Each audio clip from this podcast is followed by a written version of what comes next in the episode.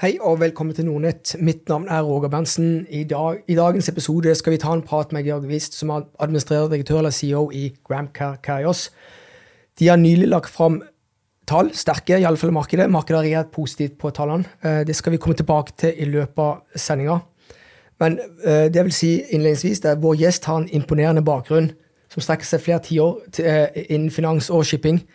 Før han ble CEO i Grand Carriers i 2018 var han CFO i Hafne Tankers, samt 18 år i Nordea. Og der uh, var han Head of Europe and Asia Middle East i Nordea Shipping, Offshore og Oil Service-avdeling. Så med det så vil jeg bare ønske deg velkommen, Georg. Tusen takk. Hyggelig ja. å være tilbake. Ja, du har vært her noen ganger, så våre, våre kunder og seere og lyttere de, de kjenner jo Grem Kaos allerede. Jeg tenkte i dag så ønsker jeg å prøve å bygge litt mer eh, substans rundt eh, både deg som person og, og, og, og hva du bringer til torgs i Gram Kais. Og så ønsker vi å bredde og lære mest mulig om industrien, ikke minst. Og ikke, Skal vi starte der? Jeg er litt nysgjerrig på, på historien din. Eh, kan, du, kan, du, dele litt om, om reisa di i opptakten til at um, du ble da CEO i, i Gram Kais? Ja, nei, altså Livet er jo en rekke tilfeldigheter, eh, men man må ta noen sjanser. Og jeg tror det er det eh, jeg føler at jeg alltid har gjort. Men Jeg begynte stille forsiktig rett fra studiene i det som het Kredittkassen, som senere ble Nordea. Og var der i 18 år. Eh, og var under en veldig god leder for hele avdelingen, Carl Steen.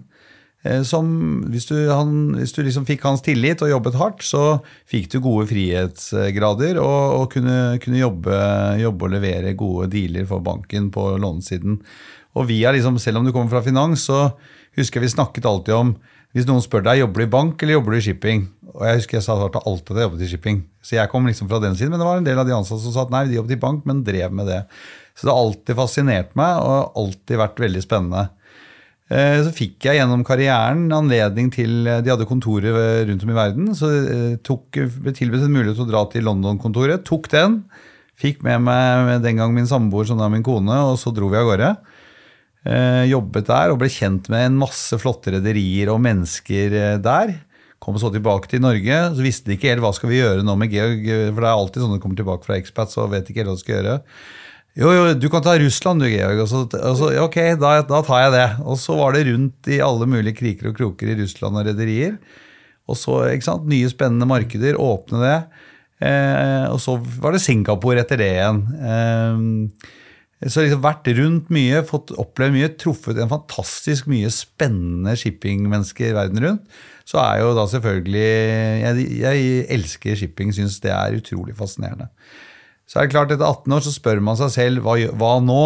Da har jeg kommet liksom høyt opp i, i, avdelingen. Det var liksom bare sjefsjobben igjen. Så eh, jobbet jeg mye med Hafnia og Michael Skov, hadde stor respekt for han. og så så sto nå den boksen der ledig. da, Så sa jeg når dere skal få fylt den CFO-boksen, nå må du liksom komme i gang. Ja, men den tar jo du. Ja, det hadde jeg ikke tenkt på. Men ja, det er klart jeg gjør det. Og så tok jeg den og begynte å pendle Norge-Danmark noen uker pendlet. Og, og, var med fra ganske tidlig fase i Hafnia. Og så er det jo sånn av og til at du må jobbe for aksjonærverdiene og det beste. Og det beste for selskapet der var å fusjonere med BV Tankers. Og da blir det en klassisk sånn topplederduell. Og da var vi så heldige i Hafnia å få CEO med Mikael Skov. Men da skulle de pokkeren meg ha CFO, og det var jo meg. Så da, da var det jo game over. Um, og flyttet da tilbake til Norge, eller ble der permanent. Og så kom jeg i dialog med, med Gram-familien om eh, hvor de ønsket å være et generasjonsskifte. Sjefen der skulle ta det litt roligere. Og, og, så trengte man også noen som Det var ganske tunge tider. Det er lett å glemme nå når vi har det så bra, men det var, det var ganske tøffe tak.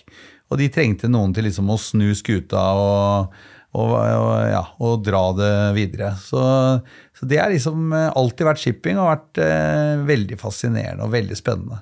Og det er jo ikke tvil om at uh, fra den tida til i dag så går det For det første så går det bra med mange, har det gått bra med mange shippingsegmenter.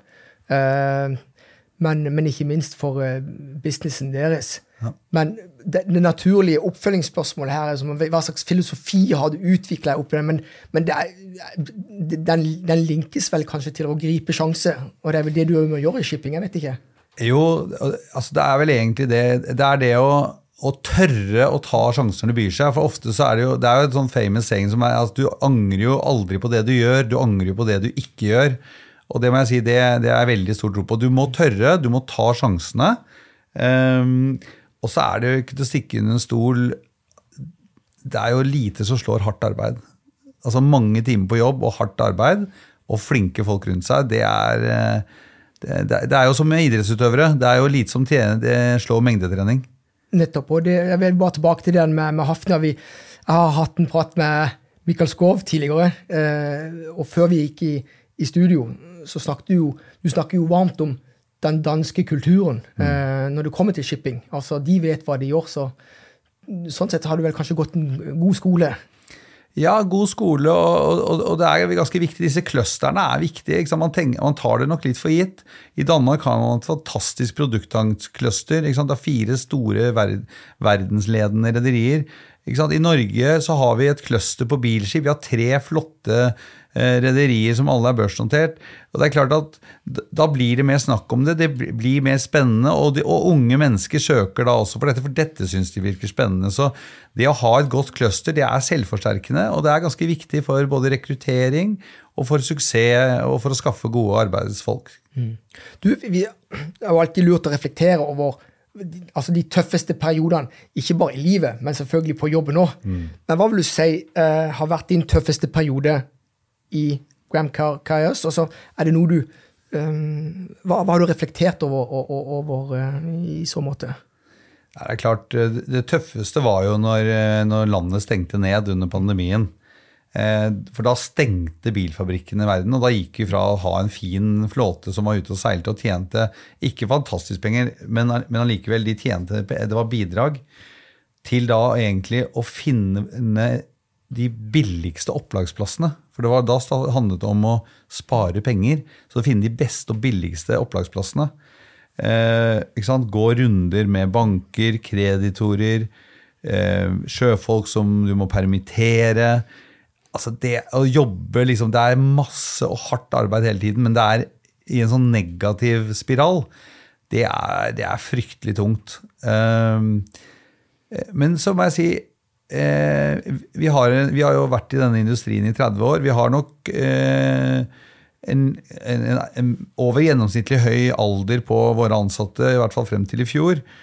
Men det er klart, den erfaring, og de, de har vært gjennom sykler før og Når liksom skal alle mann på dekk, og alle egentlig vet hva de skal gjøre, og går og gjør sitt, og så samles vi, for vi kunne jo ikke møtes fysisk på Teams hver morgen og ettermiddag. Og så ser vi at her leverer vi kjempebra på noe som er fryktelig vanskelig. Mm. Det, si, det, var, det var tøff, tøffe tak. Du, jeg har lyst til å, Jeg sa jo innledningsvis at vi skal dvele litt med tall, resultatene fra fjerde kvartal. Og de var jo, eh, de var jo sterke. Iallfall likte markedet eh, tallene. Um, hva, hva, vil du trekke fram som hoved, eh, altså hva er hovedpunktene fra fjerde kvartal 2023? Altså, hovedpunktet for de som har fulgt oss en stund, er jo kan Du si, du kan argumentere med at det nesten er litt kjedelig. fordi at vi leverer jo akkurat det vi har sagt at vi skal levere. For vi har jo denne flotte eh, kontraktsbasen vår. Og, er, og, og, så lenge du har god operasjon og liksom leverer på de, så, så, så, så, leverer du egentlig det alle analytikerne forventer. Og det, det har vi gjort. Jeg har sett det har vært noen smårusk fra noen analytikere. Det er basically noen småting i forbindelse med at vi har refinansiert. Så har det kommet noen one-off-kostnader, men så blir det billigere over tid. Men vi er basically smack on, og så har vi solgt eh, solgte vi et skip som ble levert i fjerde kvartal, så vi fikk en bokføringsgevinst. Så Derfor ble det jo et veldig hyggelig utbytte denne gangen. Ny bakkerekord. Det var det åttende økende utbyttet for selskapet. Så det ble på 10 kroner og 33 øre per aksje. Så jeg tenker at aksjonærene syns vel det var hyggelig å se. De trodde det ble sånn, og så det å kvittere ut Ja, men det ble sånn. Eh, og da er det flere som på en måte får enda mer eh, kan du si, tro på forutsigbarhetshistorien. Vi har sagt vi skal gjøre det, og nå har vi levert det over tid, og det kommer vi til å fortsette med. Ja, og Når du snakker om eh, bruker begrepet bakkerekord, så er det vel name of the game ja. i mange industrier, men ikke minst i shippingindustrien. Absolutt. Ja. Så du, strategiske beslutninger. Sant? Timing is everything, jeg vil tippe, i, i shipping. Eh, er det noen beslutninger som du eh, har vært med på som, som, som, kan være med å definere Gram Carcaos litt lenger fram i tid, tror du?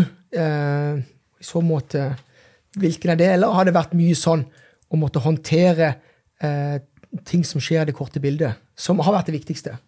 Ja, altså Det har det jo vært. Ja, alle har hatt sine faser. Vi snakket om korona og kom ut av det. Vi hadde en børsnotering, vi hentet kapital, vi liksom fikk tingene på plass. Men hvis jeg skal reflektere liksom mer hva vi har gjort siste, siste året, da, som jeg er veldig fornøyd med, og, og, og da også har tid til, er at, at, er at vi har fått både, vi har både råd og anledning og kan heve blikket litt. Så vi har, eh, vi har, vi har ansatt eh, nye, nye, unge mennesker. Og det, jeg, jeg, visste det jo, at, at, vi, at, vi, trengte det, men vi har liksom ikke kunnet ta oss verken råd eller tid til det. Og Vi har ansatt unge mennesker både i Oslo og i Singapore og fått egentlig en, en, en god effekt ut av det. fordi man må bare erkjenne at unge mennesker de er litt kjappere enn deg, litt kvikkere. Og så kan, kan, noen av oss be på litt med erfaring og liksom balansere litt der. Men på IT-siden, automatisering mm. altså Når vi bygger nå våre modeller Vi har jo bygget modeller for supply demand og forutsi markedet.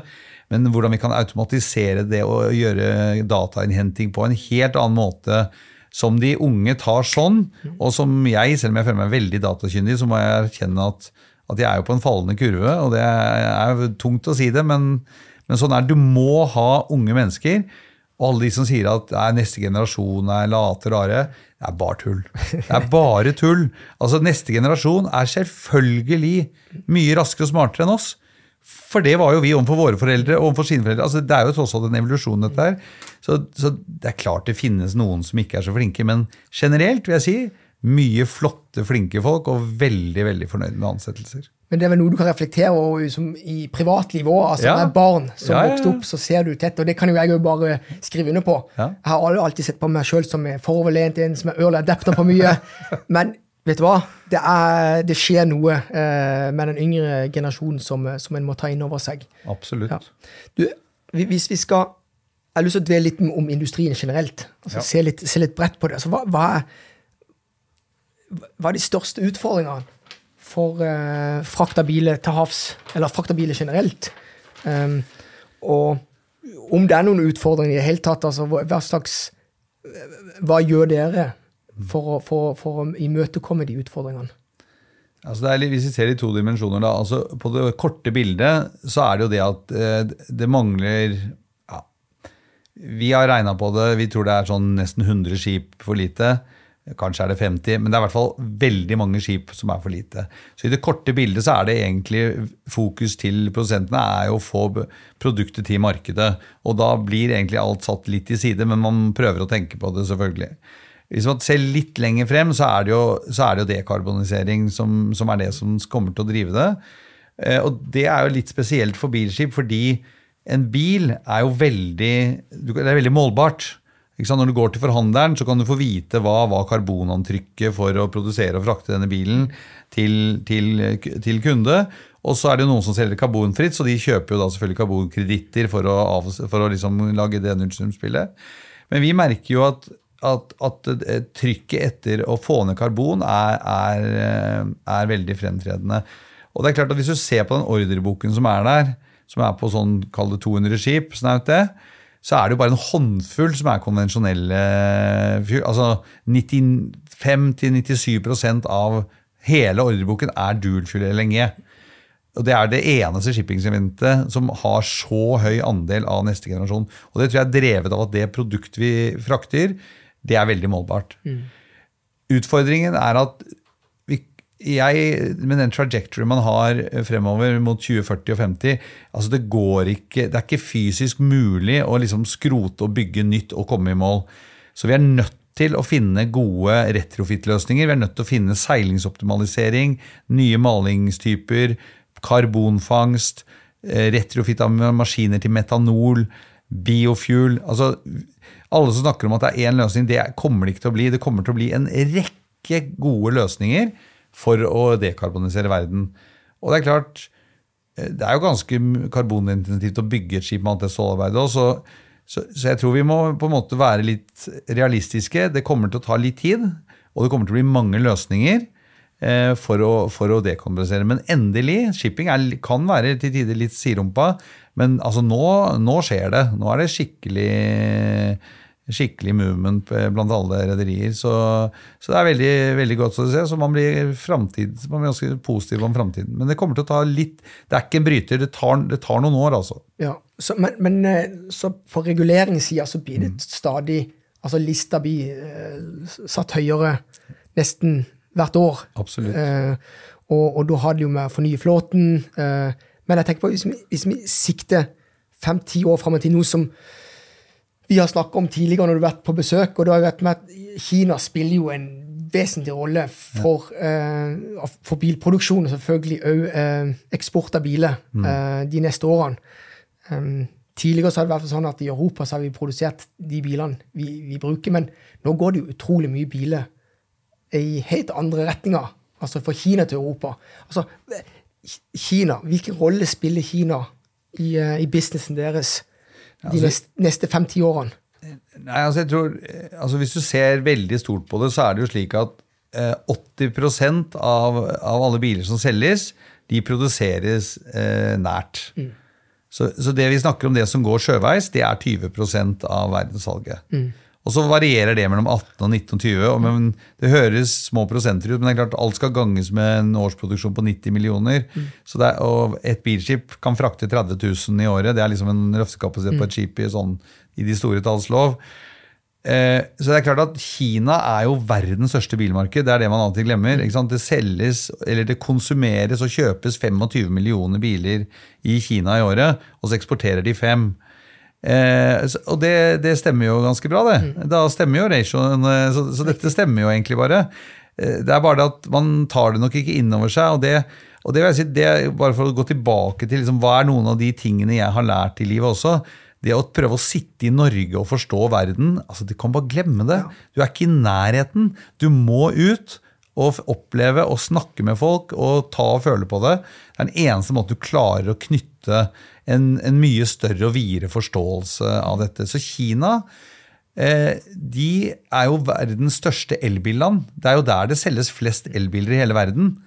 Altså I absolutte termer. I prosenter blir det jo lite, for det er så veldig mange mennesker der. Men, så Det er jo veldig naturlig, og det har vært en bevisst strategi fra kinesiske myndigheter å gjøre å finne altså lavkarbontransportmidler. Så de er jo langt foran Europa og Amerika på dette her, og har jo nå moderne produkt, eh, produktspektre. De er jo gått inn i råmaterialene til batterier, de har den største batteriproduksjonen. Så, de, så, vi er bare litt på hæla, og derfor ser du nå ut av Kina. Og når vi sier kinesisk bil, så er det jo bare satt sammen og produsert i Kina. Det er jo veldig mye Tesla elbil eh, som er disse store eksporttallene. Det er jo også Volvo XC40, det er BMW iX3, det er Polestar. Og så er det selvfølgelig også disse nye, spennende kinesiske merkene. Så, så, så, det er litt mer komplekst og sammensatt enn det Ja, men en ting er sikkert, for at De fleste får jo med seg hva Elon Musk sier. Eh, og, og, han ga vel uttrykk for når de hadde sin noe som jeg tenkte, Nå tenkte jeg litt på dere. Eh, når han sa på kvartalspresentasjonen til Tesla at eh, i framtida så sa han at eh, verden, altså de som kommer til å dominere bilbransjen, det er Kina pluss Tesla. Det er en gruppe kinesiske bilmerker og Tesla. Og, og, vi ser jo nå at Volkswagen og sånt, når de har skyvet på sine eh, produksjon av elbiler Og da er spørsmålet skal de fraktes med, med, skip, da? Jeg vet ikke. Men det virker i alle fall som at det er mye som kan skje eh, i det markedet. Det kan komme tollbarrierer, det kan komme sånne ting også.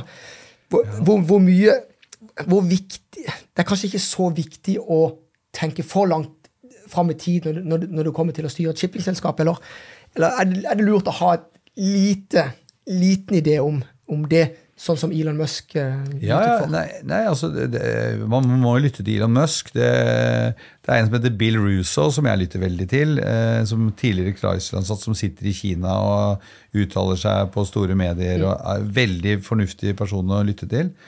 Um, så jeg jeg tror liksom Utfordringen med tollbarrierer, slik jeg ser det, er jo at de tyske, altså det er en del tyske bilprodusenter spesielt som tjener mye penger i Kina.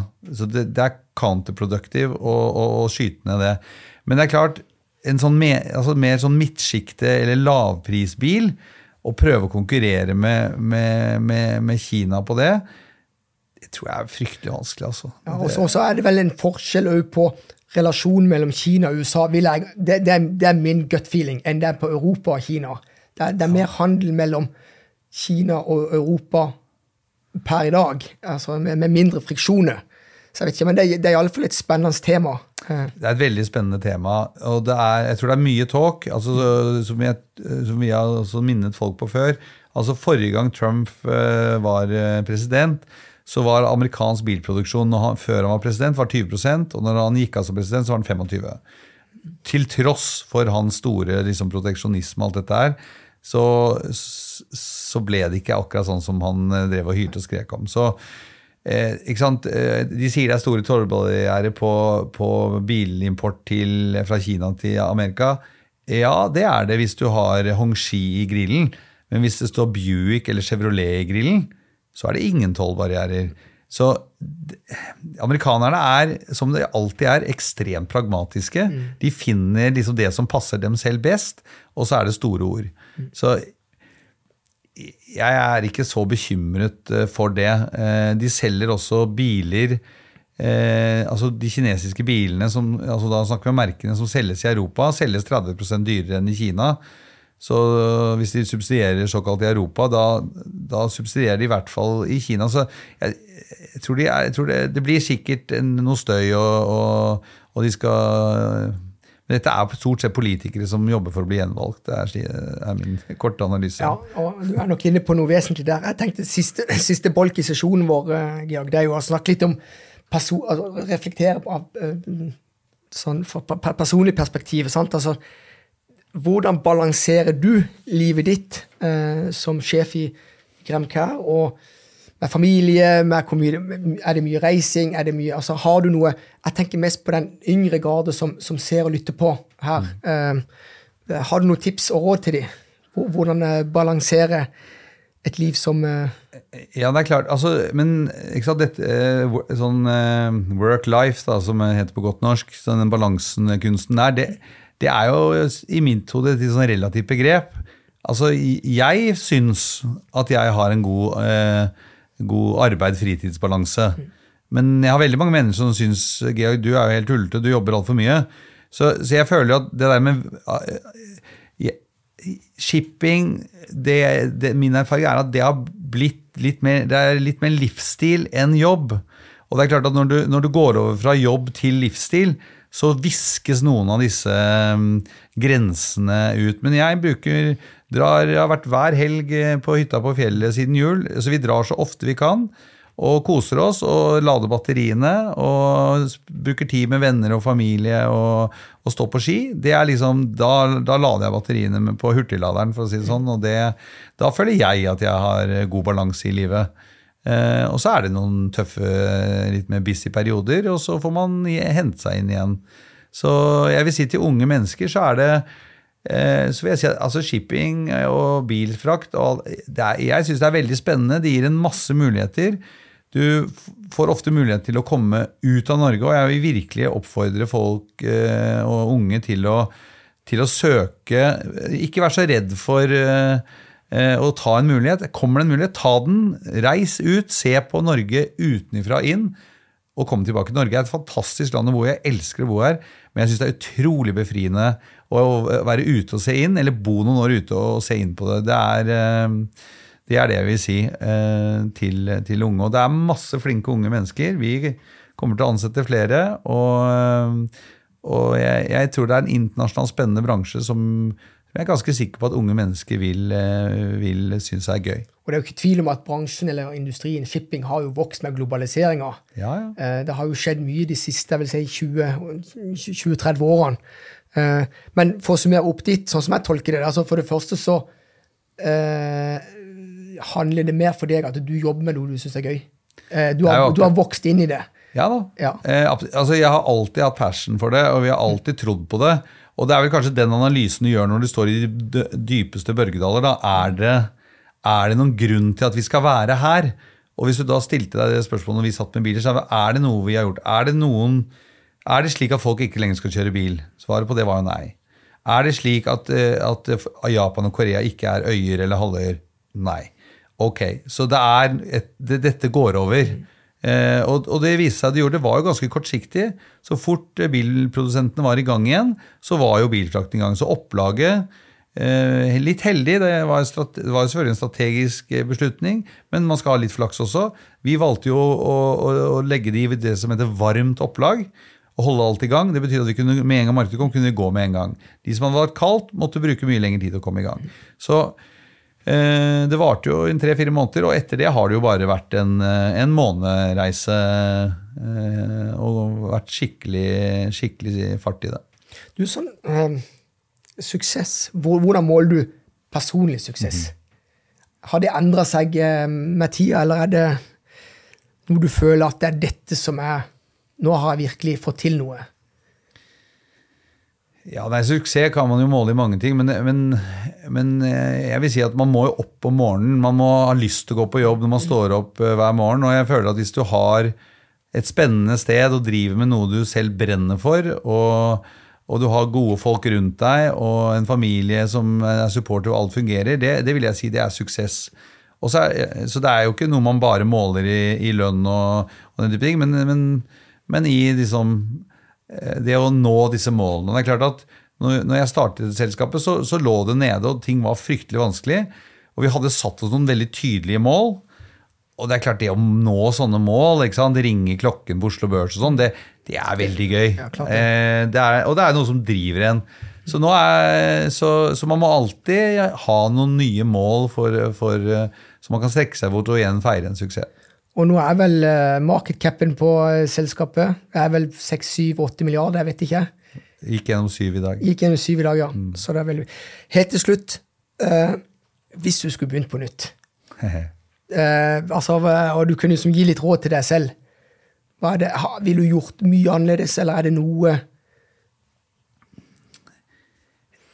Det er jo et litt sånn klassisk spørsmål, men jeg, jeg, er veldig fornøyd med det jeg har gjort. Det er selvfølgelig ting man kunne gjort annerledes, men sånn hvis du drar de lange linjene Det er liksom å, å dra ut av Norge, få verdenserfaring og plumpet inn i shipping. Kunne like godt endt opp i noe annet. Husker jeg søkte jo alt fra Coca-Cola til bank. Mm. Så liksom, verden er litt sånn til mens du går. Og det tror jeg er ganske viktig at folk forstår. Eh, og det er lov å bytte, og det er lov å feile. Så Nei, jeg er fornøyd, jeg. Ja. en enkel mann, så jeg er fornøyd med sånn det har gått. Så vet man jo aldri hva som hadde skjedd hvis det hadde endt hos Coca-Cola istedenfor. Ja, nei, det virker som det funka. Men ja, eh, vet, vet, du hva, Geir, jeg tror vi setter strek her for denne gang. Takk for uh, at du kom og delte innsikt med oss. Og så vil jeg jo takke dere seere og lyttere for at dere har fulgt oss på det. Og hvis en skal lære mer om Graham Car Carriers, så vil jeg jo henvise til gramcar.com, vel hjemmesida. Der har du eh, selskapspresentasjon, altså resultatene. eh, og der kan du som, få, få det ekstra påfyllet av informasjon. Ja, og den webcasten vi hadde i dag tidlig, ligger også der, så folk kan se replay av den også. Så da får du god gjennomgang av tallene. Yes, ok. Takk for nå. Takk. Det er viktig å understreke at denne sesjonen ikke under noen omstendigheter skal oppfattes som investeringsråd. Vårt mål er utelukkende å bli bedre kjent med det aktuelle selskapet og øke forståelsen av bransjen de opererer i. Investeringer i aksjer og andre verdipapirer innebærer risiko.